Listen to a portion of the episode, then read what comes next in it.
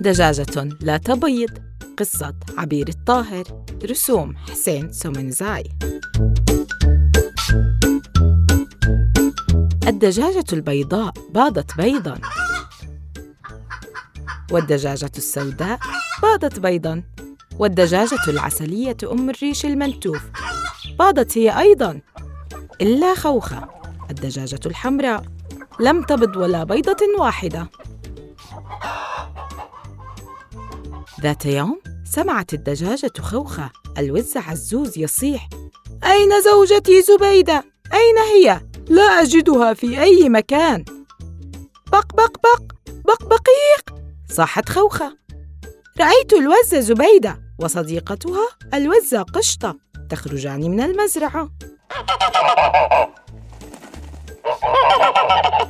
ولكن يجب أن ترقد زبيدة على البيض وإلا ستحدث كارثة أنا أنا أنا أستطيع أن أرقد عليه ردت خوخة بلهفة ماذا؟ أنت؟ قال عزوز مستغربا لا لا لا لا يمكنك فأنت دجاجة في اليوم التالي كان عزوز يستحم في بركة المزرعة. تسللت خوخة إلى قن الوز ثم جمعت البيض وعادت بسرعة إلى قنها.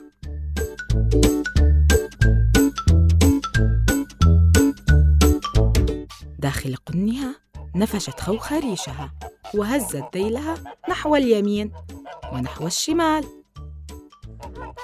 حين اعتدلت في جلستها فوق البيض أغمضت عينيها ونامت. ولكن ما هي إلا دقائق قليلة حتى اندفع عزوز إلى داخل قن الدجاج وفي يده ريشة حمراء. خوخة أليست هذه الريشة لك؟ قال عزوز بغضب. وبسرعة جمع عزوز البيض وخرج مسرعا في الليل. تسللت خوخة إلى قن الوز مرة أخرى. وحين رأت عزوز نائما مشت على رؤوس أصابعها ثم جمعت البيض بسرعة وذهبت إلى زريبة الخرفان واختبأت هناك.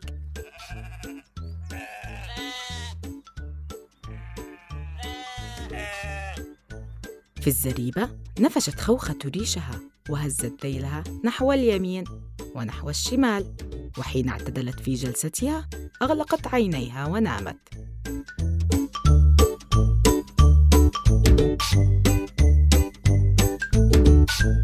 ما هي إلا دقائق قليلة حتى دخل الوز عزوز ووجهه محمر وفي يده ريشة حمراء.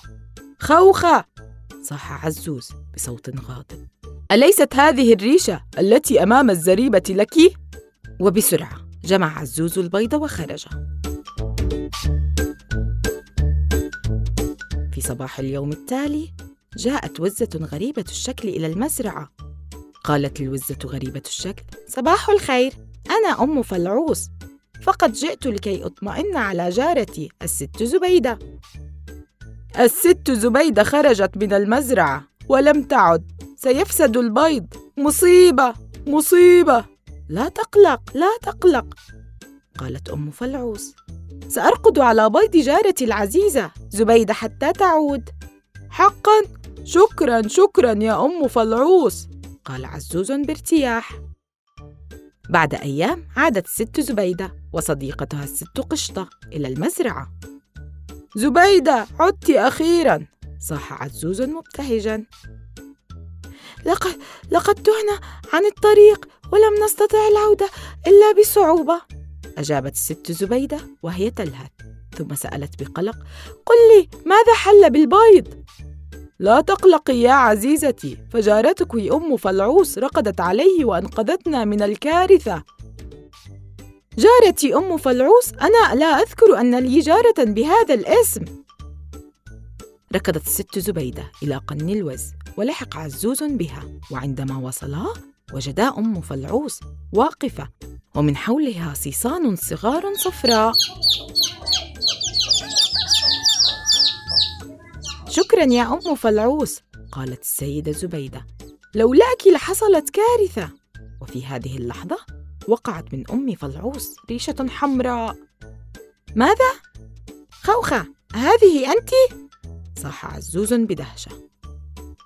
في الصباح وجدت خوخة أمام قنها صفا طويلا من الدجاج والوز.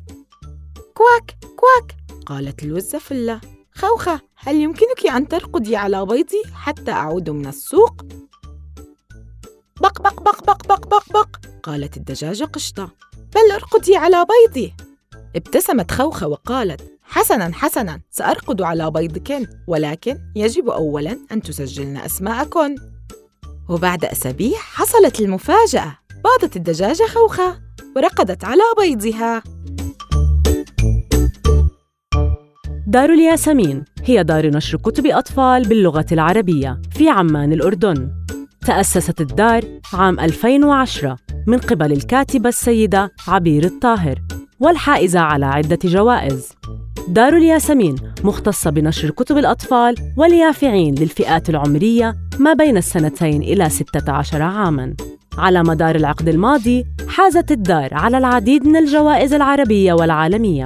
وتهدف إصدارات الدار أن تكون جميع الكتب ممتعة ومفيدة للطفل. وحالياً يوجد أكثر من 55 كتاباً في تعليم الصغار واليافعين القراءة باللغة العربية. وأيضاً يوجد عدة كتب ترجمت إلى اللغة الإنجليزية والتركية.